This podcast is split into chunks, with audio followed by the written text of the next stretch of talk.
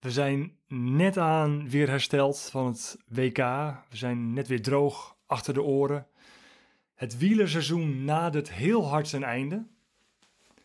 Maar uh, hij zit hier gewoon weer aan mijn keukentafel. Maarten de Kroo, welkom. Dankjewel. Heb je je vermaakt tijdens dat WK? Uh, de, ik moet eerlijk toegeven dat de afdronk was toch wel eentje van uh, teleurstelling. Uh, bedoel, maar het was vermaak, want het, het, was topsport van het hoogste niveau en daar hoort verliezen bij. Je kunt alleen maar winnen als er ook verliezers zijn. En, dus ja, als journalist en objectief kijker moet ik erkennen dat het een fantastische WK-wedstrijd was. Mijn naam is Steven Dalebout. Dit is de Krotkast. Steven Dalebout, Steven Dalebout. Maar daarvoor zitten ze duidelijk linkerballen, linkerballen, linkerballen. Steven Dalebout, Steven, Steven Dalebout. Oh, weer valpartij. Maarten Ducro. Wat is dat nou toch? Ja, want het was toch een klote weer, zegt die laatste dag. Het heeft geregend op het WK van de start, s ochtends, tot aan de laatste minuut. En het, het rare was, tien minuten na de finish was het droog. Ja, en ik zou je nog sterker vertellen, de dag daarvoor Was het ook mooi weer. was het helemaal droog. En toen hebben we iets gezien wat Eddie Merckx nog niet eens eh, gepresteerd heeft. Dus eh, laten we het daarop hebben. Laten we ons focussen op, de, op het damesuurrennen. Ja. Waar veiligheid ook een eh, issue is. Ja, want het gaat over veiligheid. Maar om aan te geven dat WK, ja, er zaten mensen... Alle Philippe zat kotsend op de fiets. het laatste rondje. Collega Herman van der Zand vertelde mij, die, die stond meteen achter de finish. Eh, toen ik al achter Mathieu van der Poel aan het aanrennen was. Maar tenminste, die was toen nog aan het rijden, denk ik. Toen Grooschart naar binnen kwam. Maar eh, Herman van der Zand zei, die, die, die stopte en die ging, die, die ging ook... Die kostte daar gewoon de straat onder. Of zo diep waren ze gegaan. Ja, en zo de- de- last met dat eten verteren. Ja, precies. Je lichaam raakt ontregeld. Eh, en ik spreek uit ervaring. Ik heb wel eens onderkoeld in een, in een douche gelegen. En de kenners zeggen, de, de wetenschappers, dan moet je met, een, met lichaamswarmte moet je dat lichaam weer op temperatuur brengen. Eh, maar wat deze bij mij, ze zetten er een hete douche op, waardoor ik helemaal in een soort shock eh, kwam. En dat, dat lichaam is gewoon tegen de shock aan. Dus dan kan je er wel eten in stouwen. Maar dat zit dan ergens, eh, ja, in je pens. Alles kan ik het niet zeggen. En een koe heeft daar vier magen voor, een wielrenner maar één. En dan zit je daar. En de, niks doet het meer zoals het normaal doet. En als, als machine, het lichaam als machine, je weet het is meer dan een machine, maar het, het machinale deel raakt gewoon ontregeld. Het, het WK was ingekort, hè? Ja, En- van 295 naar 285, hey, of nou zoiets. Maar een klein stukje, ja, oké. Nou ja, ik wou vragen, voor de, voor de goede beslissing? Het was- nou ja, als je het over veiligheid hebt. Kijk, het weer is het weer. En eh, mensen hebben wel eens gezegd van eh, slecht weer bestaat niet alleen slechte kleding, maar dat is behoorlijk eh, blasfemisch bijna zou ik zeggen. Dat is gewoon, dat gaat wel ver. Dit, hier, hier was je, dit, dit was echt. je moet toevallig een machine hebben, een lichaam hebben wat het minst ontregeld raakt van dit soort dingen. Ja. En, die, en die Mats, de wereldkampioen, die hij heeft dat. Ja, ja, maar het ging, het ging mij erom. De, de- van tevoren was duidelijk dat er, veel, dat er veel water zou gaan vallen die zondag. Dat er plassen zouden ontstaan. Dat is nou eenmaal zo'n Yorkshire. Onder elke heuvel ligt een plas. Ja. Zelfs op de heuvels eh, op dit WK. Ehm, en door die plassen heen kun je niet koersen. Nou dacht ik nog even terug aan de afgelopen Tour de France. Ja, Toen jij vond dat je door een hele grote modderstroom wel kon koersen. Dat, even, dat is te via flauw dat ik dat nu zeg. We Ja, het laat, over ga gehad. door, Dat ga was- door, dat was- hier in al jouw ironie is dat verkeerd begrepen. Maar ehm, ehm, is het nou goed dat, dat, dat er vanwege plasvorming dat dit WK dan toch is aangepast? Want er is een lus uitgehaald. Ja, nou in dit eh, geval wel. Ja, eh, eh, want het waren, die lus zaten twee eh, grote klimmen in. En dat waren behoorlijk onderscheidende momenten. Dus als een renner daar iets gaat proberen. Kijk, als je een peloton waarschuwt, kunnen ze alles oplossen. Maar als je aan het koersen bent, dan is de marge waarbinnen je dingen kunt oplossen, die neemt natuurlijk aanzienlijk af. Want die jongens gaan dringen en douwen en wie het laatst remt, eh, die wint. Eh, en dan moet je de renners voor, tegen zichzelf in bescherming nemen. En heeft de organisatie een verantwoordelijkheid in. Daar gaan we het ook zo meteen over hebben. Ja. En, eh, dus het is wel een goed, maar als één keer een parcours daar ligt en er is iets aan de hand, dan moet je gewoon waarschuwen. Ik, het prachtige beeld van die Deense tijdrijder, die gewoon met zijn open ogen in een plas water rijdt met dichte wielen. en dan gaat zeilen over het water als een soort schrijvertje, zo'n insect wat op het water kan lopen, ja, dan, dan ben je niet goed bij je hoofd. Maar daar stond ook niemand te waarschuwen. Dat nee, vind maar ik. als hij, als hij zijn ogen open had gehad, dan was hij er zo links langs gereden. Ja, natuurlijk. Ja, maar hij denkt, ik neem de kortste weg. Maar als je daar dan... hij zat naar zijn, zijn, zijn meter te kijken. Hij reed er recht in. Ja, wie rijdt, welke, sorry, maar je rijdt als renner toch niet recht in zo'n plas? Eh, zal ik jou een paar voorbeelden geven van renners die hele rare dingen doen als ze maar zo snel mogelijk willen gaan. Dus Ja. daar hebben we het over. Dat dunne lijntje waarin renners dingen zelf proberen op te lossen en kunnen oplossen. En hoe moet je ze daarbij helpen zonder in de weg te gaan lopen? In Dat dit is geval had veiligheid. er- ja, Nou, en daar hebben we het in de vorige podcast over gehad. ja, Eh, nu deel 2. Wie heb je gesproken? ik heb eh, een organisator gesproken, eh, Dimitri Bondhuis, eh, van de Binkbank Tour. Nou, die hebben natuurlijk enorm onder vuur gelegen. En ik heb een paar eh, renners gesproken. En eh, als klap op de vuurpijl kwam ik eh, Ivan Spekerbrink tegen samen met Henny Stamsnijder, twee streekgenoten. En Henny Stamsnijder is eh, al sinds jaar en dag eh, de beheerder en uitvoerder van de neutrale volgauto's. En die, die branden helemaal los over de gekte die in de volgerskaravaan is ontstaan, die de onveiligheid vergroot en, en, en de focus bij de renners verstoort en weghaalt. En Van Baarle had je al genoemd, hè, Langeveld. Eh, de, de renners van Baarle, Langeveld. Ik heb zelfs Terpstra gesproken, maar die zegt je moet maar een keer apart langskomen, want eh, dit wil ik wel even goed verwoorden. Nou, gaan we dat eh, zeker, zeker nog een keer doen. Je noemde Dimitri Bondhuis al even. Ja. Organisator van onder andere de Binkbank Tour. Die zo onder vuur lag. Hè? Dus, die, ja, precies, wat leg dat nog eens uit. Waarom was daar zoveel kritiek op? ze hadden een etappe rond Aalter. Eh, en dat hadden ze gekenmerkt, aangemerkt als dit is een Ronde van Vlaanderen parcours. Dus als je over de Ronde van Vlaanderen parcoursen kunt rijden, dan kan je hier ook rijden. En de renners spraken er schande van, want daar kwamen ze inderdaad hele smalle wegen tegen met draaien en keren en bochtjes en taps, toelopende dingen en paaltjes op verkeer. Precies wat je ook in de Ronde van Vlaanderen hebt. Alleen dit in een etappekoers. En de renners die gingen zo ver dat ze zeiden dit is World Tour onwaardig. Laten we eens luisteren naar eh, zijn eigen weerwoord. Het weerwoord dus van eh, Dimitri Bondhuis. Nou, kijk, eh, op het moment dat je het commentaar krijgt, hè, kun je heel makkelijk kun je in de verdediging schieten. En dan kun je al deze argumenten op tafel leggen van ja, maar we hadden het toch verteld. We hebben toch. ehm, je kunt ook zeggen van goh, we we pakken even het stapje terug en we gaan luisteren naar wat zijn nou echt de, de, de, de argumenten die hier neergelegd worden. En wat zijn de argumenten waar die Nou, neergelegd worden en door wie? Eh, nou, eigenlijk wat een aantal renners aangeeft eh, op dat moment is van je, je stuurt ons hier over het parcours. Ehm, wat voor een etappekoers misschien niet geschikt is in de eerste dagen. Hè, wat, eh, ja, je kunt jezelf verdedigen, maar de Ronde van Vlaanderen doet het ook. Het is een ander type wedstrijd, weet je wel. Daar zit een wat langere aanloop in. Daar weet je dat het helemaal uit elkaar valt. Terwijl bij ons dat peloton toch langer bij elkaar blijft. Hè. Dat is nou eenmaal kenmerk Ja, ja. ook van een etappenwedstrijd. Ehm, nou, we, we hebben alle argumenten aangehoord, weet je. Dan ga je niet gelijk in de media eh, Ja. eh, dat, dat gevecht opzoeken, want daar geloven we sowieso niet in. Je moet het met elkaar doen. Je hebt een aantal actoren in het wielrennen. En je, je moet samen moet je zorgen dat, het- dat je zo goed mogelijk een sport biedt. Ja. Nou, uiteindelijk is het een argument, hè, als je hem verder trekt, als je kijkt naar de Vuelta, en ze worden daarover een grindpad gestuurd, waar Richard Plugge eigenlijk van de week precies hetzelfde zegt. Van het is prima om zo'n koers te hebben, maar niet in een meerdaagse wedstrijd. En, en je kunt je, in dit soort discussies kun je heel makkelijk van afmaken van, eh, ja, het is nooit de winnaar die je hoort. Hè, Ja, want, ja, eh, ja. Die vindt alles prima. Nee, en, jullie hebben gezegd, wij gaan, wij gaan de argumenten aanhoren. ja, we, hebben gezegd, we, we horen het aan. En uiteindelijk hebben we de conclusie getrokken, zo eerlijk willen we dan ook zijn, dat die etappe Aalter-Aalter, wat hebben we het dan over, de, de, de derde etappe, eh, is gewoon geen gelukkige keuze geweest. En daar kunnen wij heel veel argumenten voor aanvoeren waarom we dat parcours hebben gekozen.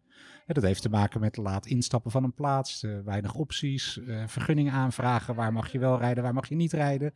En je bent soms beperkt in je keuzes. Maar dan nog kun je met elkaar zeggen, dat is geen handige keuze geweest. Maar dat is altijd achteraf. Ja. Nou, en het enige wat je dan met elkaar kunt, kunt afspreken, en dat is een, een statement wat we richting de ploegen gedaan hebben, richting eh, media, richting eh, eh, UCI. Dat dit is dus wat we niet meer doen. Ze hebben er dus eh, spijt van dat ze het zo gedaan hebben. En, en ze gaan nu in de toekomst ook de renners er meer bij betrekken, geloof ik. Hè? Eh, dat is een eh, noodzakelijk iets. Eh, daar komt hij zo nog eh, over te spreken. Eh, wat, je, wat je ziet, eh, en, en de renners gaan daar zelf ook over te keer, met name Langeveld, is dat je als wielrenner gefocust bent op eh, ik moet aan de streep komen. De Tour wacht op niemand. Dus het parcours is een onderdeel van, van wat je hebt te verteren. Dus een valpartij is van dezelfde orde als een parcours malversatie. En daar ga je gewoon, dat moet je zo snel mogelijk naast je neerleggen, want je moet verder. En die, die state of mind, die staat natuurlijk haaks op, eh, we denken mee met de parcoursbouwers. Eh, daar praten we zo, zo meteen inderdaad nog eh, verder over. Ehm, want de Bing Bang Tour was natuurlijk niet de enige koers waar het dit jaar niet liep zoals menigeen had gewild. Want er was ook kritiek op het eh, EK in Alkmaar. Wat, Ja. was, wat was daar ook alweer aan de hand? Nou, daar hebben ze twee renners die daar wonen, Terpstra en Tendam, die overigens van de week zijn laatste koers rijdt. Dus rij veilig, Laurens. Eh, Lombardije. ja, die hadden ze Grote daar... kans dat, eh, dat bij het horen van de podcast voor veel mensen Lombardije al geweest is. Dus dan is het dan al gestopt.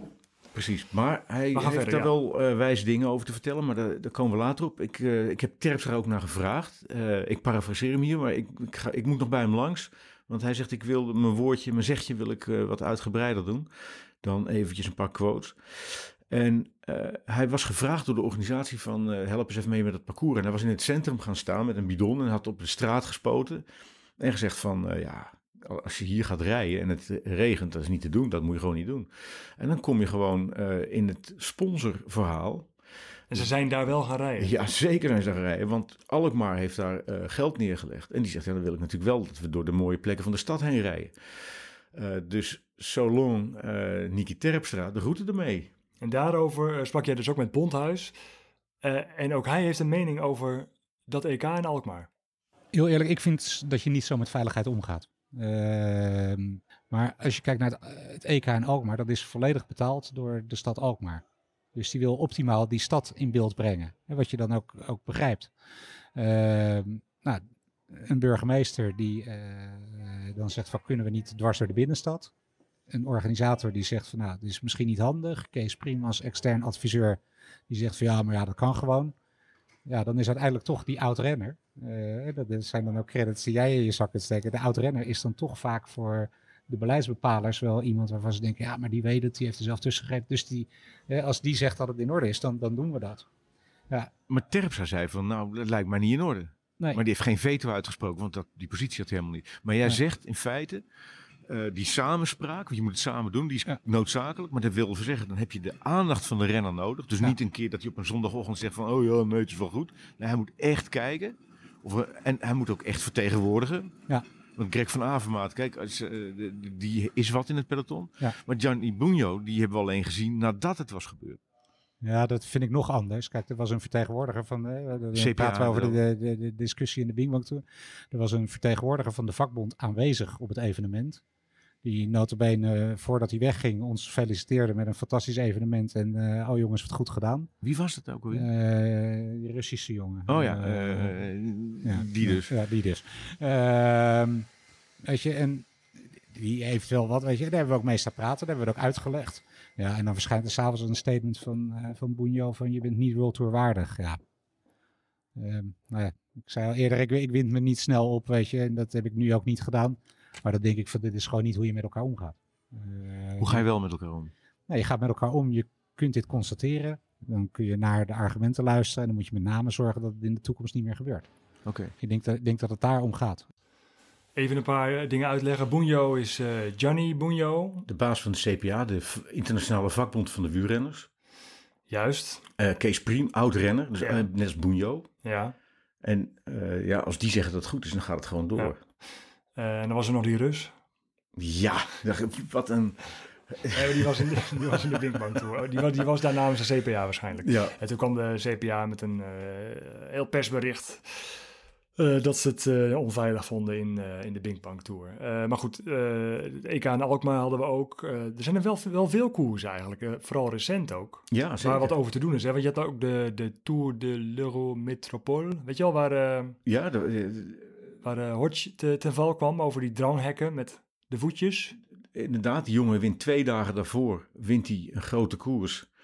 Eh, met ook allemaal weer valpartijen, eh, maar dat was door het kwakken van de renners zelf. Daarna komt hij zelf ten val over zo'n voetje van een hek. Nou, daar hebben we het met Teun Hellings over gehad. Hij zegt, we moeten die hekken daar neerzetten vanwege het publiek. Dat moet daar uit. Dat, het wordt te talrijk in de Mhm. finishstraat, in de finishzone.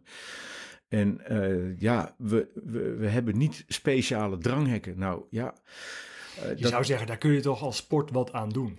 Natuurlijk, er zijn namelijk dranghekken genoeg. Ja, nou, dat is het punt. Die, eh, die, die dat- niet die uitstekende voetjes hebben. Er zijn dranghekken met platte voeten, of wat je in de Tour ziet, schuine dranghekken, die eh, helemaal doorlopen tot op de grond. Maar die eh, met voetjes, die zijn goedkoper te maken en Ja. veel talrijker aanwezig. En vooral, de bedrijven die dat leveren, die moeten dat dus mobiliseren. Je begrijpt dat als ze in Parijs net een betoging hebben gehad, dan moeten die dingen verplaatst worden naar de Eurometropool. Ja. En, en dan krijg je dus logistieke problemen. Ja. En, dan, en dan is het sluitpost. We moeten hekken hebben. Er staan hekken. Even, en denk nog eventjes aan Wout van Aert, die tegen zo'n uitstekende punt aanrijdt. Omdat een dranghek wat aan elkaar vastgemaakt is, twee dranghekken, die, Ja. eh, die om het bochtje gaan, daar steekt er zo'n punt uit. Ja. Nou, dat zijn allemaal dingen die te voorkomen zijn. En waarvan Teun Helling zegt, als je ze kan voorkomen, moet je ze voorkomen. Ja. En anders rij je er niet. De UCI is daar, zeggen ze, ook mee bezig. Eh, over het WK, daar praten we zo meteen ook met, ehm, Langeveld over. met Langeveld over, ja. Ehm, maar de UCI, het werd de UCI verweten. Ja, jullie zijn met de sokken bezig en eh, hoe hoog de sokken wel, zijn, wel niet zijn. Maar het gaat ook over de, het zou meer over de veiligheid moeten gaan. Het lijkt alsof de UCI zich, dat wel aantrekt. Want die kwamen deze week met een persbericht dat ze gesproken hebben met diezelfde CPA. En dat er in december eh, maatregelen zullen worden aangekondigd om de, boel, om de boel veiliger te krijgen. Wat er nou precies gaat gebeuren is nog steeds niet duidelijk. Maar ze vonden het blijkbaar wel nodig om, eh, om, om, om dit even kenbaar te maken. Nou, wa- wat je dus ziet is een Pavlov-reactie in regelgeving. Een uiterlijke kenmerken van een race die dan voldoet aan de regels. Wat alle deskundigen die wij tot nog toe in de podcast aan boord hebben gehad, dus de wetenschapper die zegt hoe veiligheid in een groep mensen wordt eh, geregeld, eh, over de verkeersdeskundige die zegt het gaat om de focus die de deelnemers aan de dag kunnen leggen in interactie met elkaar. Al die, eh, zelfs Bondhuis, het gaat over de interactie tussen de deelnemers. Nou, wat is nou het wielrennen, in het wielrennen zo bijzonder? Is dat al die groeperingen los van elkaar opereren. Ajax heeft een stadion en die organiseren een wedstrijd. En als ben je in het stadion, dan kan je het daar regelen. Wielrenners moeten zelf maar zorgen dat ze getraind zijn. Dan heb je een organisatie die moet maar zorgen dat hij aan zijn poen komt. Dan heb je een, eh, een, een ondersteunend apparaat, een UCI. Dat moet dan zorgen dat er regels zijn. En juist wat iedereen zegt, de kern is de samenspraak. En die zit helemaal, dat hebben ze in het wielrennen, is, is het flikken of geflikt worden. Je denkt alleen aan jezelf, de koers wacht op niemand, ik ga door, ik overleef. En dat maakt dat het vreselijk moeilijk is om die samenspraak te krijgen. En dan komen ze dus met nog meer regels. Prima. En we hebben overigens net weer een dooie te betreuren. Italiaanse jongen van 22. Ja, Italië. En het is erger dan ooit. En dan komen ook met renners. Want wat, wat, wat, wat is daar gebeurd ook in de koers? In de koers hebben ze een eindsprint. En eh, ook Teun Helling zegt daarover. Je zou terug moeten luisteren in de, in de eerste podcast over veiligheid. Maar wat is er met die jongen gebeurd? Die is met, in volle sprint gevallen. Of eh, een zwenking gemaakt. Die valt en die valt met zijn hoofd op een betonnen paal. Ja. Maar wat... Hoe, dus je moet altijd kijken als je een fout maakt. Wat zijn de consequenties? Als die te erg zijn, moet je daar niet rijden. Nee. Hoe kan er een betonnen paal in de, in de finishzone staan waar je dan tegenaan kan rijden? Dat is onmogelijk. Je had het over de verschillende partijen. Eh, De renner zelf hebben we dit uur nog, dit, in deze podcast nog niet gehoord. Eh, Wat vindt die renner er zelf van eh, en hoe, hoe actief zijn zij om het probleem op te lossen? Sebastian Langeveld. Nou, wij rijden, wij rijden vaak, te vaak vind ik zelf, rijden wij nog op, eh, op onverantwoordelijke, onverantwoordelijke parcoursen. Ja, En, en, er dan achteraf? eh, Ga je dan verhalen? nee, ja, te weinig. Te weinig. En ik betrap mezelf er ook op dat ik daar te weinig eh, interesse en te weinig aandacht aan besteed om dat, eh, uit te roepen, weet je wel. Kijk, het is, he- het is natuurlijk heel makkelijk. eh, een goed voorbeeld wat je net zelf ook aanhaalde is dit jaar de Bing Bang Tour. Ehm, ja, ik, met alle respect voor de Bing Bang Tour en de organisatoren. Ik, ik, weet je, ik rij al een jaar of acht de Bing Bang Tour. Ik ken die koers niet anders dan nerveus, stress. heel vaak gevaarlijke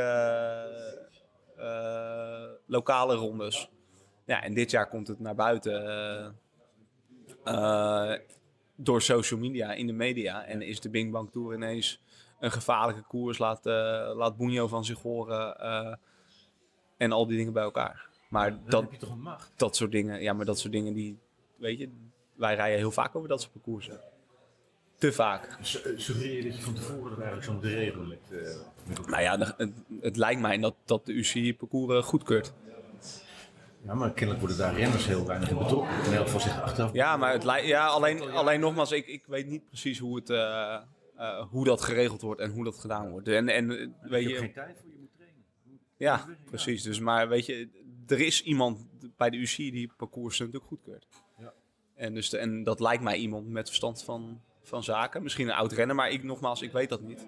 En dat vind ik eigenlijk, nu, nu we nu aan het praten zijn, vind ik dat eigenlijk best wel gek. Want eh, het is natuurlijk wel, eh, ja, het is een belangrijk iets. Ja, ik snap het eigenlijk wel dat hij dat, hij dat zegt. Ja. Want hij is natuurlijk met andere dingen ook bezig. Ja, nou, maar dan, moet je, dan kom je bij een heel belangrijk punt. We hebben het over samenspraak tussen mensen is nodig. Tussen mensen wil zeggen, ze zijn fysiek in één ruimte en ze praten met elkaar. Dat is samenspraak. Dus niet via sociale media dingen roepen. Formule 1-coureurs zijn daadwerkelijk zelf betrokken bij de veiligheid van hun parcoursen. Die lopen daar rond, die hebben de bandentesten, die bemoeien zich ermee, die hebben een positie. En ze hebben een belangrijke positie. Komt dat omdat dat een heel duidelijk afgesloten wedstrijdcircuit circuit is? En Ja, de- in, in het wielrennen is dat, is dat natuurlijk vaak het probleem door, door machtsstrubbelingen tussen verschillende partijen, dat dat niet van de grond komt. Ja, ik denk, eh, maar dit is, eh, dan moet ik even mijn sociologische achtergrond eh, aanboren en dan en misschien een andere deskundige er ook bij halen. Maar wielrennen is natuurlijk van oudsher een sport van knechten.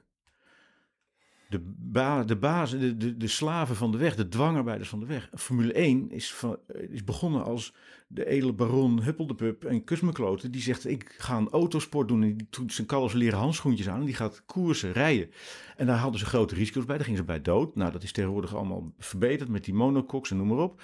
Maar een Formule 1-coureur verdient heel veel geld, heeft enorme status. En als die zegt, dit is een klote parcours, dan wordt er niet gekoerst. Kijk even nog naar Canada een paar jaar terug.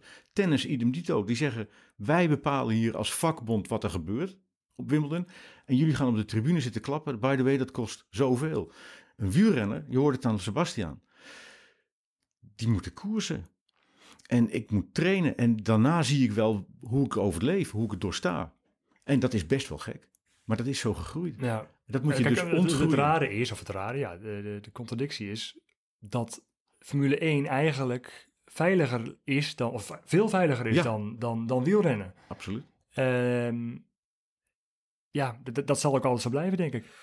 Dat Ja, je rijdt, in, je rijdt in een dun pakje over, over, de, over de weg. Tuurlijk gaat het veel minder hard dan de Formule 1, maar je kan, je kan, ja, je kan moeilijk in zo'n mono, hoe noem je zo'n ding? monokok, eh, zo'n... Ja, eh, met ja, zo'n, nee, eh, nee, nee. er zijn overigens best... Bescherming om je, om je hoofd heen. We hebben het nog met een helm op gaan zitten. Ja, we gaan het nog, de derde podcast, gaan we het hebben over het materiaal en de dingen. Maar je, inderdaad, waarom rijden renners in bijna gebodypaint te pakken? Een motorrijder, die ook behoorlijk kwetsbaar is, die heeft in elk geval elleboogstukken en Ja, kniestukken. dat is warm, hè? Dat is warm. Ja, Als ja. wielrenner wil je toch je warmte kwijt. vroeger reden wij in een wollen broek. Heb ik nog niet eens meer Ja, meegemaakt. jullie maar even vroeger, en op houten wielen trouwens ook. Jullie- Houten wielen, wollen broek. Ja, Eh, de, de kwestie is dus, heb ik, en dat is de, de red race in het wielrennen is, eh, dezezelfde Sebastian Langeveld heb ik acht jaar geleden gesproken voor Milaan Sanremo. Toen stond hij 11, 10,5 atmosfeer in zijn banden te pompen. Terwijl degene die die banden maakte, stond er verderop, Vredestein was dat, en die zegt, eh, wij boven de 7,5 doet extra spanning niks meer in de banden. Maar Sebastian pompt het toch door, want hij zegt: Ja, straks heb ik een na, eh, hebben anderen een voordeel. wat ik ook gehad zou kunnen hebben. als ik er ook 10,5 in had gedaan. ja. Dus je krijgt het elkaar na. De, je komt in een soort fuik terecht, een soort trechter. En dan, dan kan je op de een of andere manier niet meer omdenken. Terwijl ze, als ze droog en veilig warm met mij zitten te praten, lekker in een barretje, dan zeggen ze: Ja, het is eigenlijk best wel een beetje raar dat we niet betrokken worden. En dat is het enige betrokken worden, bij worden. En wil zeggen dat je ook je verantwoordelijkheid neemt. Precies wat Bondhuis zegt. Achteraf onze schuld gaan geven dat het parcours niet deugt. We moeten zorgen dat we vooraf met elkaar erover eens zijn. Dit is het parcours. En dan kunnen renners alles oplossen. Echt alles. Henny Stamsnijder was ook op het WK. Hij stond daar in zijn eh, Shimano, bij de, de grote Shimano-bus kwam ik hem tegen. Eh, dat was, even nadenken, ja, ik denk 200, 300 meter voor de finish. Eh, maar jij hebt ook eh, met hem gesproken later nog eh, in die week. Absoluut. En vergeet niet, Henny Stamsnijder is die, die man van die neutrale auto's. Diezelfde neutrale auto's die in de Ronde van Vlaanderen een paar jaar terug allerlei renners het hek in reden en on- onoordeelkundig door het peloton heen manoeuvreren. Ja, oh. Dus over veiligheid gesproken. Ja, ja. Ze, hebben, ze leren hun les en ze dragen erbij. toch? Nee, dat is, Henny regelt gewoon dat die Ja, mensen er zijn. Ja. En dan heeft hij trouwens heel leuk. Hij is de grote, toch de grote baas? Mag ik het, mag ik het Ja, zo dat noemen? mag je zeker zo, zo noemen. Ja. Maar goed, er rijden dus ook Shimano-auto's in de koers mee, uiteraard. Eh, Overigens, Kees Priem heeft daar ook een eh, groot aandeel in. Die zorgt voor het personeel, voor die, die, die hele organisatie. Maar Henny Stamsnijder is de man die het materiaal levert en daar ook van alles van zegt. Zij zijn veel in het peloton. Ja. Eh, dus ze weten ook veel van de veiligheid en, en, de, en de onveiligheid. En, en juist op het WK gaat, is, eh, op het WK is natuurlijk alles anders dan, dan elke andere koers. Nog anders dan een normale koers is in verge- vergelijking met een koers die daar een week voor georganiseerd is. Ehm, We rijden met landenteams, ja, met landen dus niet met vaste professionele volgers. En wordt het is dan altijd het gesprek van de dag, hè? Ja, natuurlijk, er zijn allerlei kamikaze-piloten die daar rondrijden. Ja. Kunnen we hem niet laten horen? Zullen we- dat gewoon doen, Henny Stamsnijder? Ja, want hij wil dat het eh, aantal volgers in dat peloton eh, wordt teruggebracht. Daar gaan maximaal 10 motoren rijden. Maximaal. Er zijn drie, Fotografen, drie fotografen, drie commissarissen. Jury, ja, ja. Commissarissen op de motor moeten erbij zijn. Die moeten zich ook in kunnen laten zakken en al die dingen meer. En je rijdt dan heb je er nog, eh, nog eh, twee regulateurs van, van de UCI. Die dus zorgen dat het verkeer beweegt en heen en weer gaat en dat het doorgaat. En, eh, want die hebben ze nu wel heel hard nodig. Want er zitten 25 van die kloten, eh, van die, van die kamelenrijders erin. ja, maar zijn mensen die normaal op een kameel rijden. Nu ineens in een auto in een peloton met 150 En miljoen. achter, gewoon omdat ze renners missen, hè, die zitten in de auto foto's te maken van het is een wereldkampioenschap en die zitten tegen alles en iedereen te vertellen van eh, kijk mij eh, en zwaaien naar de camera met en ze rijden hun eigen rennen voorbij en ze rijden hem gewoon achteruit terug de koers in. En dan, en dan, en dan hij dus dan hij, dan hij er acht, nou, laten we zeggen dat we er twee motoren extra bij doen, voor weet ik veel wie voor wat, maakt me niet uit. Heeft tien motoren in de koers, bij van altijd gezeik af. Hey, en waar laat jij dit geluid horen? Behalve nu hier en ik ga het uitzenden over de hele wereld. Ik Maar heb, het, ik, heb het, ik heb het zo vaak gezegd bij de UCI. Maar ze dan- doen niks met wat jij zegt. Nee, maar Hoe kan dat het nou? verhaal is simpel. Die landen die deel uitmaken van de, van de UCI, die willen gewoon zelf in de koers zitten. Die willen zelf hun eigen renners servicen. Ja, dat snap ik wel. Ja, dat snap want- ik wel. Want? Ja, goed. Als, dan, ze moeten met die renner praten, ze moeten de tactiek bespreken, ze moeten van alles en al die dingen meer. Maar de renners maken de koers toch, of niet? Met excuses aan de Algemeen Nederlandse Kamelenrijdersbond. nou, hij, hij maakte zich heel erg boos over de onprofessionaliteit van de volgers. Ja. En, en Want er lopen wat bobo's rond hè, op zo'n WK. Je is- weet niet wat je ziet. I rest my case. Ik Wij, wij sliepen met de NOS in het, eh, hetzelfde hotel als de UCI in eh Harrogate. En ja, nou ja, je, je, je weet niet wat je ziet. Een Wat- heel en- en hotel die, die vol mensen van lopen 25. allemaal voor zichzelf. ja.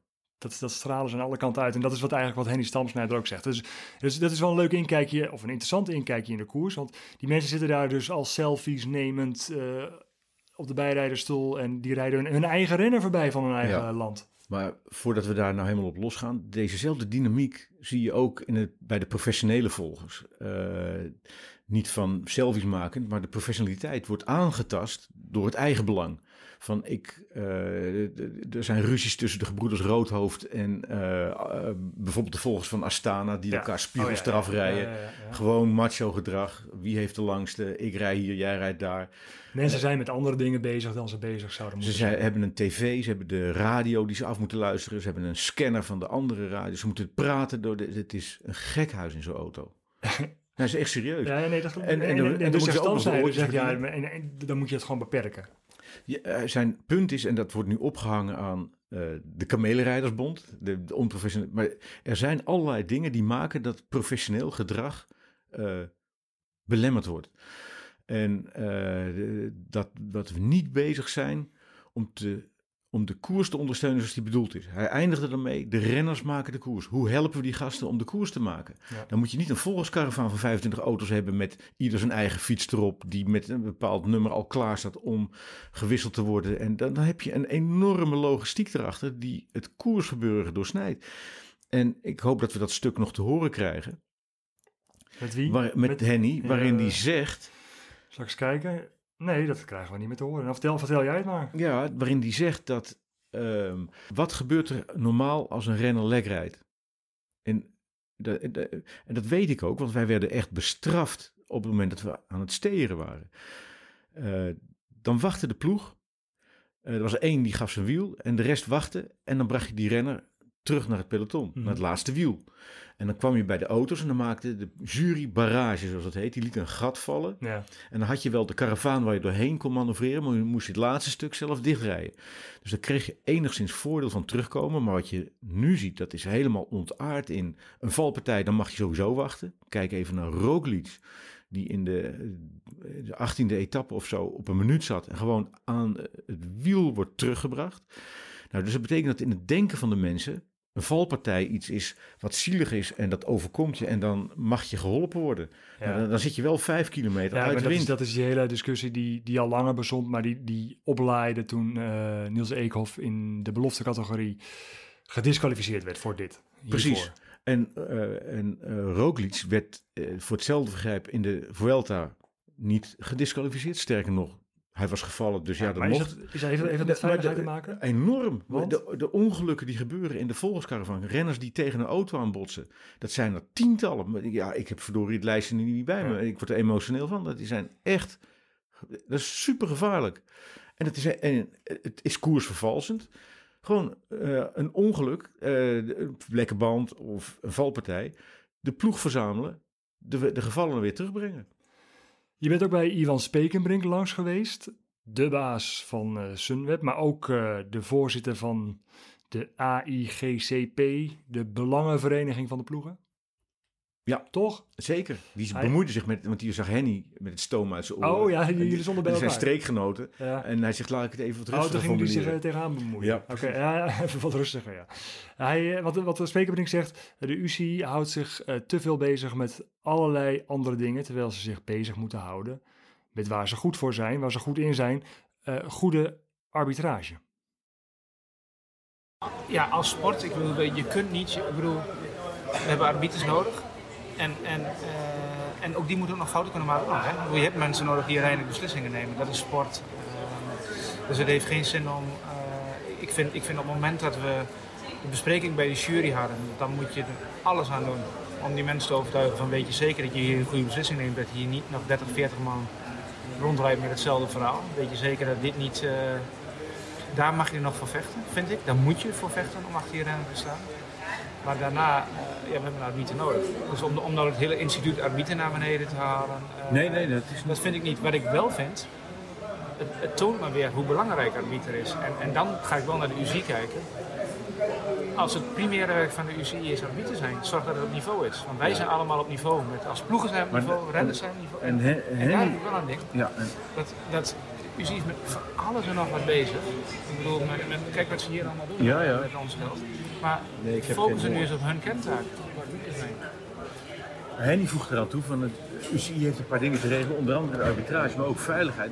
Dus de omstandigheden waarin een wedstrijd wordt beslist, die moet je, die moet je kloppend maken. En die kloppen nu niet. Wij hebben, een discussie met, we hebben een discussie met, met UCI, een continue discussie.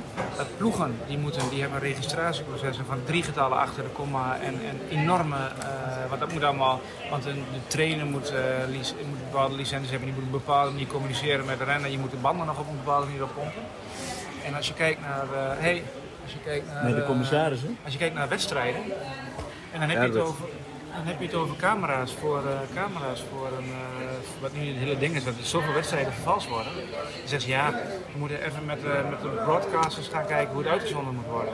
Nee, je ziet, ook, je ziet ook een cameraman voetbalveld oplopen. Je rijdt- blijft daar gewoon 100 meter voor. En that's it. En heb je technisch geen oplossing dan, dan een andere. En dat, dat zo ongebalanceerd gebeurt. En veiligheid ook. Ik bedoel, als we, we willen best koers helpen. Maar er gaat niets, maar ook helemaal niets boven veiligheid van renners. Dus op het moment dat een koers niet de middelen heeft om veilig te organiseren, dan hebben we die koers niet nodig. Die moeten we niet met kunst en vliegwijk ten koste van het welzijn van renners. Het is al va- gevaarlijk genoeg in leven houden. En die balans die moet, eh, die moet beter. Dus UCI moet focussen op veiligheid, op arbiters en de rest doen wij wel. Je merkt heel erg dat het, het, het eh, verzandt al heel snel in ge, ge, want ja, de, de motors die rijden ook te dichtbij. En, snap je? en de UCI doet daar niks aan. En de UCI trekt de, s- eh, controleert de sokken, maar doet hier niks. Het is, het is niet echt constructief wat hier eh, uitklinkt. Ehm, ik trek een. eh, ja, nee, het, is, het, het klopt wat je zegt. Het is, eh, ze zijn niet met elkaar in gesprek. Nee, dat bedoel ik. Ja. En terwijl, en dat is het punt, en dan kom ik weer terug op wat we eerder zeiden in, eh, in deze podcast. eh, dat het een kwestie, een mensenwerk kwestie is. Ze, ze moeten dus als mensen onderling dingen bekijken. En dan heb je een arbiter nodig. Nou, juist een arbitrage eh, inbrengen is een Salomons oordeel in een situatie waarin mensen er zelf niet uitkomen. En wat doen wij? We verbreken het contact en we gaan het zoeken in regels en omstandigheden en, en dingen. Terwijl ook deze twee mensen weer zeggen: we moeten verdorie met elkaar in gesprek over die dingen. Vooraf en achteraf. En tijdens de koers is er dan iemand die zich met arbitrage bezighoudt. En als het dan over veiligheid gaat, die zegt, hij: jongens, we maken barrage, want dit is onveilig. Er zijn te veel renners tussen de auto's. Eh, dit is oneerlijk als die jongen vijf kilometer achter de, eh, auto kan rijden. Arbitrage, dat is dus juist iemand die in contact met de wedstrijd, met de mensen in de wedstrijd, beslissingen durft te nemen. En dat, dat wordt helemaal weggeorganiseerd in dat wielrennen. En je hoort het aan de toon. Het is verwijten over en weer. Terwijl de oplossing is juist, stop die verwijten nou eens en ga dingen met elkaar regelen. In de wedstrijd. Dus niet op papier in de regels. Nee, een arbiter. En die staat er dan voor. En zoals de hockeyers zeggen, mondje dicht tegen de scheidsrechter. De hockeyers. Wist je dat niet? Dat zeggen de rugbyers nog altijd. Ook, nou hier, maar dat zijn voetballers gaan alleen maar bakkeleien met de Ja, ja, scheidsrechter. ja, ja. Wielrenners hebben helemaal geen scheidsrechter. Maar ze zijn, hij is hard nodig. Goed, eh, iets anders. Kijk jij wel eens op de, de Krotcast eh, eh, pagina op de, in, de, in iTunes? Of zoals het tegenwoordig heet, de podcast, Apple Podcast? Nee hè? Er staan van die, van die reviews bij. Mensen die kunnen dan sterren geven. Oh jee, ja, ja maar daar durf ik nooit naar te kijken. Nee, nee, ik doe gewoon... Ik Maar vind daar durf je niet te kijken. Nee. Ja, er staat er, staat er, ik, ik vind het leuk om daar een beetje doorheen te, te bladeren. Ehm Arjan 7712. Oh, dat is anoniem. Ja, of het is een pincode, dan is het, eh, als we dan, hè, dan kunnen we er nog geld aan verdienen. Maar die, die, eh, die schreef ook een, een review. De volgende, luister goed hè. Mooie verhalen. Enige verbeterpunt is de zelfverheerlijking in de intro. 300 keer Maarten de Kroo, Maarten de Kroo, Maarten de Kroo noem je in je intro muziekje. Ja, wie heeft die Niet intro nodig. gemaakt? Nee, ik niet. Nee, wie dan? Jij denk ik? Heel vaak heb je dat erin zitten stoppen. Gaan we veranderen. We gaan het eh Ehm, Dalenkast noemen. Nee, de naam is natuurlijk, eh, die, moet, die, die blijft zo. Dat is natuurlijk nu zo ge- zo- zo'n gevestigde naam. Eh, maar goed, de podcast, hè, overal te luisteren, overal te downloaden. Apple, Android. En we zitten ook op Instagram. Dat doe jij toch allemaal? En wij- Ik heb mijn dochter al mijn gegevens en mijn pincode gegeven. Die regelt dat. Ja. Ehm, overal de podcast. Ehm, we gaan verder met de rol van, van de renner. Terug naar de renner. We hebben Langeveld al gehoord, nu Dylan van Baarle. Hij vertelt wat volgens hem de rol van de renner zelf is in het eh, houden van een veilige koers. Ja, uiteindelijk eh, zijn wij eh, degene die onderuit gaan en het nog gevaarlijker maken dan het soms zo is. Ehm, ik merkte heel erg in, in Engeland dat de jongere jongens die, eh, die geven niks meer aan of, het, eh, of er iets op de weg staat. De jongere jongens, hoe oud Ja. ben jij? Eh, 27. Ja, ja, ja, oké, dat is oud dus. Niet meer de jongere jongens. Ik hoor niet meer bij de jongere jongens. Ik ben een beetje de middenklasse. Nee, maar merkte ik heel erg dat eh, ja, niemand geeft meer eh, dingen aan. En daardoor komen er ook best wel veel valpartijen, omdat niemand Waarschuwing. ja, eh, mensen alert eh, maakt voor, voor ja, dingen die op de weg staan. Ik ben met eh, allerlei wetenschappers bezig over het hè, want iedereen wijst naar de hemel als Burg Landrecht. eh, Ja. En dan zeggen we, de Bing Bang Tour is niet eh World Tour waardig, want zo'n parcours mag je ze niet overheen sturen. Eh, maar ondertussen eh, eh, reizen elkaar het hek in. En, en die wetenschappers zeggen van als je een renner waarschuwt, dan is die alert. En de alertheid maakt dat ze dingen kunnen oplossen met elkaar. Ja, ik ben geen wetenschapper. Nee, maar jij zegt nu zelf. Eh, Nee, zeker. Dat, dat als je elkaar waarschuwt, ben je alert. En dan let je op en dan kom je er doorheen. Zeker. Ja, maar als dat dus niet meer gedaan wordt, dan... eh, En wat zeg je tegen die jongens die niet waarschuwen, waardoor jij bijna verongelukt? Nou ja, dan kan je, dan kan je natuurlijk blijven gaan. Kijk, eh, op een gegeven moment ben je er ook wel een beetje klaar mee om, eh, om dingen tegen die man te zeggen. Heb jij wel eens tegen iemand wat gezegd? Ja, ja, ik heb wel eens tegen mannen gezegd waarom eh, ze niet, eh, niet aangeven. Maar, of tenminste, niet waarom, maar dat ze moeten aangeven voortaan. Maar, dan zeg je, potverdiener, geef het aan. ja, het, is gewoon, het brengt gewoon super gevaarlijke Ja, situaties met zich mee. En ja, dat is gewoon jammer. Maar ze houden zich daar niet op. Het verbetert niet. Ja, weet je wat het ook is? In de Ronde van Engeland rijden continentale ploegen waar we eigenlijk nooit tegen rijden. Ehm, maar ja, je ziet het ook soms nog wel eens in de Tour gebeuren dat er... eh, maar dus verstandhouding, van hé, hey, we kennen elkaar. Dan ben je dus ook beter bereid met elkaar te waarschuwen, samen te werken. Of, nou, dat weet ik niet. Maar ja, op een of andere manier zien, eh, zien sommige ja, profrenners het wel. Maar ook die jongere jongens die hebben dat toch ook minder. Hm. Maar, ja. het is een maatschappelijk fenomeen, lijkt wel.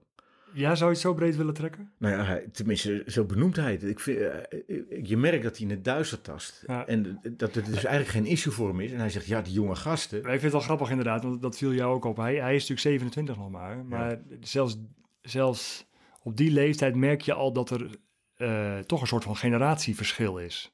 Dat is wat hij hier beschrijft. Zij- zoals, zoals je vroeger, vroeger, zoals je als amateurrenner, als een groepje groter dan twee is, dan zeg je, hé hey, paaltje, dat doen ze niet meer. Maar dat is eigenlijk het is acollegiaal gedrag. Ja, eh, en, maar, Maar hoe draai je dat om? ja, nou, opvoeden. Dus wat ik, hem- wat ik hem vroeg is van, wat doe jij dan? Ja, ja, dan kan je wel bezig blijven, zegt hij. Nou, als ik vroeger in een peloton ging staan en mijn fiets niet onder druk hield, waardoor die naar achteren kwam. Hè. Je rijdt in een groep dicht op elkaar en als je dan eventjes de benen strekt, dan stop je met trappen, dan komt je fiets relatief naar achter. Dus het kan wel een 20, 30 centimeter zijn. Dan begon iedereen in de buurt te roepen en te gillen tegen je. Eh, en in mijn eerste jaar was ik een neonazi. Dan zeiden ze, hé hey, neonazi, potverdomme, blijven zitten of blijven duwen. En ze stoppen dus met elkaar. Dus ook hier zie je weer dat de onderlinge verstandhouding, de interactie eh, weggaat. En dat is wel kenmerkend voor onze maatschappij. Dat het, eh, dat, eh, dat eh, het rechtstreekse contact tussen mensen behoorlijk belemmerd wordt door allerlei dingen. Of dat mensen daar niet in opgevoed worden. Want het opvoeden, ja, waarom doe je dat nou? Ja, een, een, een hengst voor je hartjes kan je krijgen. Sebastian Langeveld hierover. Voor mezelf, als ik naar veiligheid kijk, dan ik ga altijd de koers van start. Ik, heb, ja, ik ben wielrenner en ik doe dat heel graag. Maar ik maak voor mezelf wel een beetje een onderscheid in eh, waar ik bepaalde risico's neem en waar ik geen bepaalde risico's neem. En daar zie je verschuiving in bij jezelf? Nou, bij mezelf, ja, je wordt wel een jaartje ouder. Je hebt, je hebt, je hebt een, gezins, een gezinsleven natuurlijk. Maar je ziet ook wel gewoon dat het, de plekjes in het peloton zijn duur. Eh, het niveau is heel hoog, dus positioneren is eigenlijk nog veel belangrijker. Ehm, ja, en daar worden wel gewoon eh, tot, wel extreme risico's genomen. Met, met soms ja, hele vervelende eh, valpartijen tot gevolg. Met, eh, En hoe wordt daarop gestuurd op die risico's? Als mensen dingen doen die jij voor onverantwoord vindt, wordt er onderling. Ja, er wordt, ja, jongens worden zeker wel op een, eh, op een plekje gezet. Eh, nou ja, verbaal. Een, een, een discussie aangaan, weet je wel. Ja, dat gebeurt. Dat, nou ja, op een punt in de koers waar het, waar het nog niet hectisch hoeft te zijn. En jongens die, eh, eh, ja, die, toch, die, die op een stoepje springen en het peloton inspringen. Of, of eh, toch niet remmen, eh, weet je wel. Dat, dat, dat ze toch niet willen remmen om een plekje af te staan op, op bijvoorbeeld 120 kilometer van de finish. Dat, je- dat, dat zijn situaties die je, die je wil voorkomen. Maar ja, veiligheid, ja, het is... Het is het, het is een punt natuurlijk wat, wat leeft en wat, wat denk ik ook heel erg belangrijk is. Eh, de renners hebben er wel een heel groot aandeel in. Alleen het, het, het, het positioneren en, en het, de valpartij, als je puur naar, het, puur naar het wielrennen kijkt, ja, dat was vroeger zo. En dat is nog steeds Ja, zo. dat, dat, dat En- verandert niks aan. Nee. Wat, wat ik denk eh, dat anders gaat, is de manier waarop inderdaad feedback gegeven wordt. Ja, als bij mij eh, in de peloton, eh, ik in mijn, Ja. in mijn eerste jaren van een stoepje afsprong en ik kwam bij Raas Ja. terecht en die moest aan de kant van mij, Ja. dan kwam ik drie weken niet meer bij de eerste in het peloton. Punt. Ja, precies. Ja, ja. En dat is nu anders. Eh, ja, dat is wel anders, maar dat, ja, weet je, dat is een, dat is een voorbeeld. Maar ja, dat krijg je natuurlijk nooit, nooit helemaal uit, want de ene is handiger in positie kiezen dan de ander. Was jij wel eens bang op de fiets? Ja, ik, ik, ik, heb, eh, eh, ik heb echt een besluit moeten nemen van ja, of ik ga wielrenner worden of ik stop ermee. Want ik, ik verloor doordat ik zo Ja, verkrampt ja. was van angst. En ik zag alle valpartijen, ik was echt rete bang. Weet je hoe, hoe gevaarlijk dat is? Ja, je- Om zo dicht op elkaar te rijden dat als je in een bocht komt, dat je dan elkaar gaat aanraken. Nee, joh, Maarten, nee, dat weet ik niet. Ik, weet- ik weet het een heel, heel, heel klein beetje. Je kent hem met het oog op morgen bokaal, hè? Ja, Dat is een, eh een wielerwedstrijd. Dat was vroeger eh, in Spaanwouden op het circuit daar. Op het wielercircuit. En ehm, nou ja, daar, stonden dus mensen zoals jij en ik, wou ik zeggen. Maar mensen zoals ik aan de start. Amateurs die eh, niet vaak in zo'n groep reden. En ik heb dan nog de illusie dat ik best wel een beetje kon sturen. Maar daar reden toch mensen tussen, nou echt niet normaal. En dan is het dus ook positioneren, want dat gebeurde daar ook gewoon. Alleen het gebeurde op een heel andere manier. Eh, de mensen ontwijken die totaal niet konden sturen. Eh, maar wat gebeurde daar? In, in de finale eh, schoof ik zo een beetje naar voren toe. Ik zat op de eh, zevende, achtste positie of zo, in een groepje van 30 denk ik. Eh, of 40 misschien. En er werd dus volle bak gereden. En ik hoor zo echt één wiel achter mij eh, een valpartij ontstaan. Nou, je kent het gekletter en geklater Ja, en geschuif en gekraak. gekraak. Ja. Ehm, dat, ja, toen, toen ik uiteindelijk over de finish kwam, toen, toen bleken er drie mensen afgevoerd naar het ziekenhuis met sleutelbeenbreuken en weet ik, het- weet ik het wat, ook een been gebroken of wat dan ook, het dijbeen, ik weet het niet precies. Het was allemaal echt heel, heel zwaar gebutst en gehavend. Toen heb ik besloten, ja, eh, dit doe ik dus niet meer. Wat Nee. een onzin. ja. Waarom zou, als ik, ja dat is op het die, ken- als ik twee plekken naar achter had gereden, had ik in het ziekenhuis gelegen. je, Nou, je rijdt waarom, zou ik, het- waarom zou ik het doen? Ja, ja je, je roert eh, het selectiecriterium aan voor een wielrenner. Eh, daar hebben ze onderzoek naar gedaan. Een traumatische gebeurtenis is ongeveer 4 tot 5 procent van de mensen bereid daarna de moed te vatten om, Precies. om het te ik doen. kan me dat niet voorstellen. 95% van de mensen die haakt af. Nou, wielrenners hebben de rare eigenschap. Dat is niet iets waar ze stoer om zijn. Dat kan je, je kunt ook niet zeggen van, weet je wat, oefen nog een paar keer om te vallen. Ga gewoon even op de Utrecht, ga hier op de Kroeselaan eventjes een sprintje trekken en trek jezelf er onderuit. Je kunt dat niet oefenen, dat heb je of dat heb je niet. Dat je, als je gevallen bent, weer opstaat en zegt, oké, pech, eh, we gaan eens kijken hoe we verder kunnen. En het hele peloton is dus zo geselecteerd. Ja, dat heeft natuurlijk wel consequenties. En toch is het ook in dat peloton eh, nog wel angst. Dus jij vroeg ook aan eh, de bondscoach Koos, Koos Moerhout eh, of hij als renner vroeger ook wel eens bang was. ben je wel eens bang geweest in jouw peloton? Absoluut. Zeker, zeker.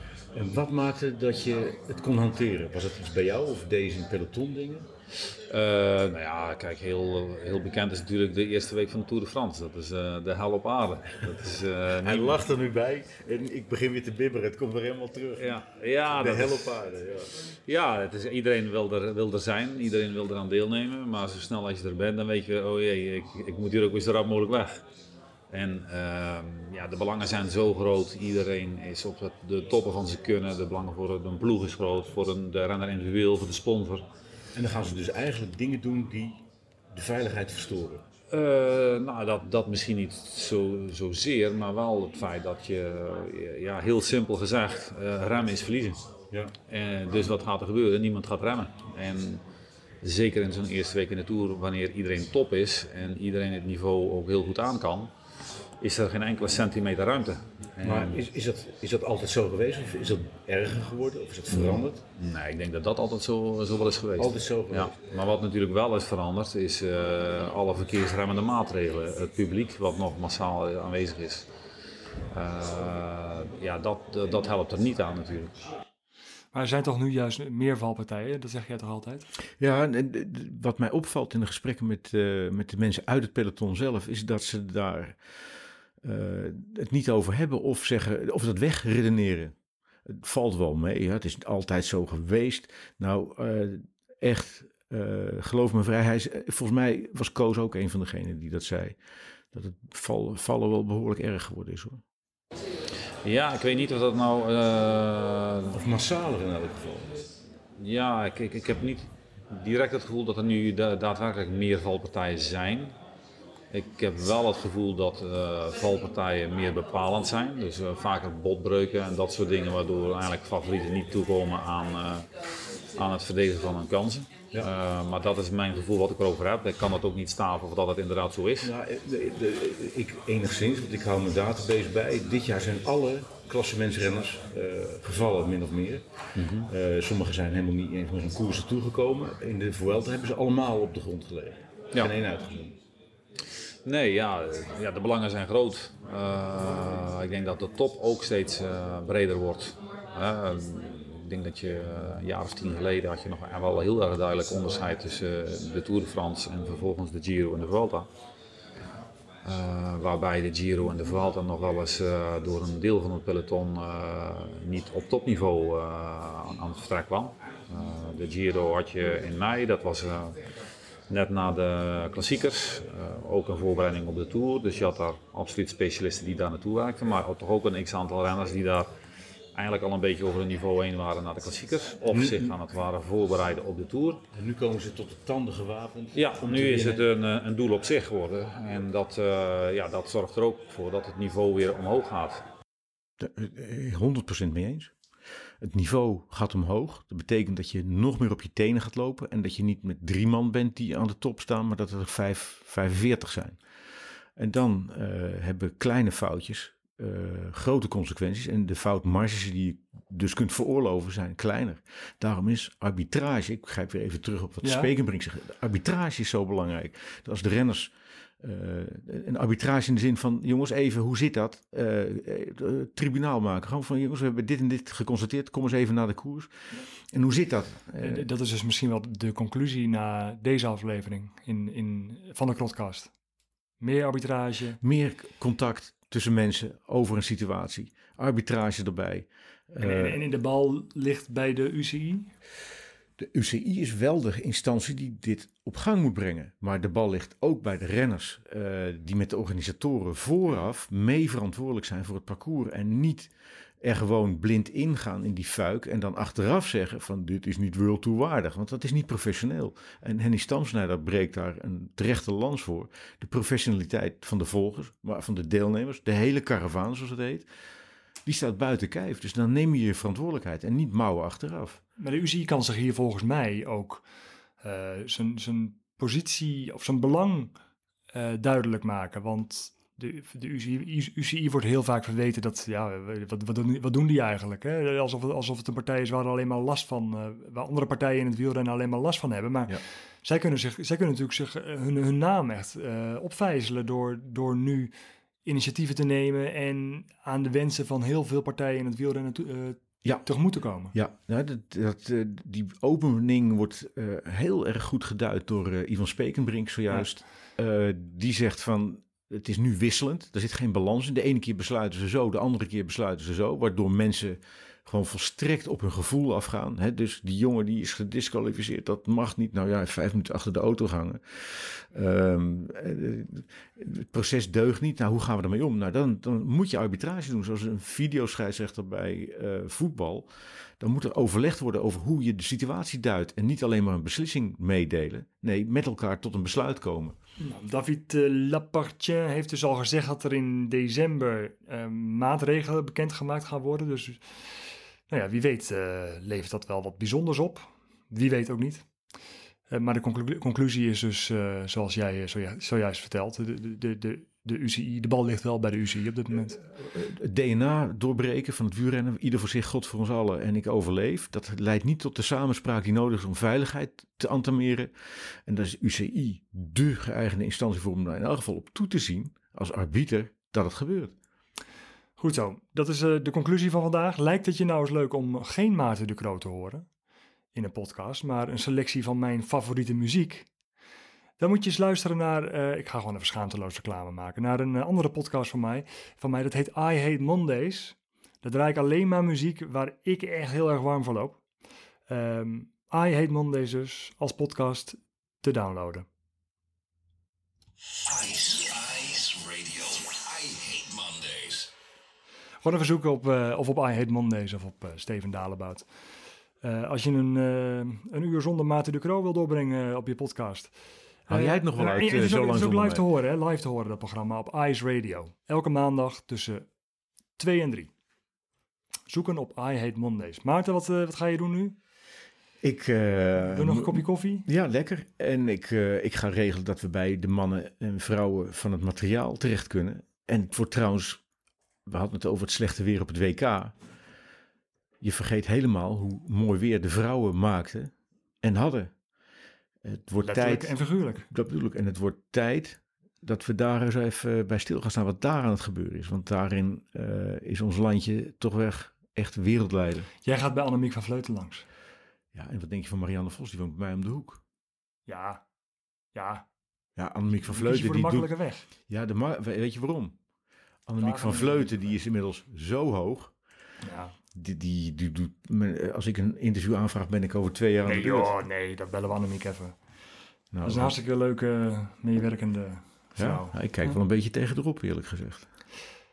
Ja, dat mag ook wel. Ze is wereldkampioen. Maarten, hup, eh, ik ga nog een kopje koffie maken en dan eh opzouten. Dankjewel. Steven Dalebout. Steven Dalebout. Maar daarvoor zitten ze duidelijk linkerballen, linkerballen, linkerballen. Steven Dalebout. Steven, Steven Dalebout. Oh, weer valpartij. Maarten Ducro. Wat is dat nou toch?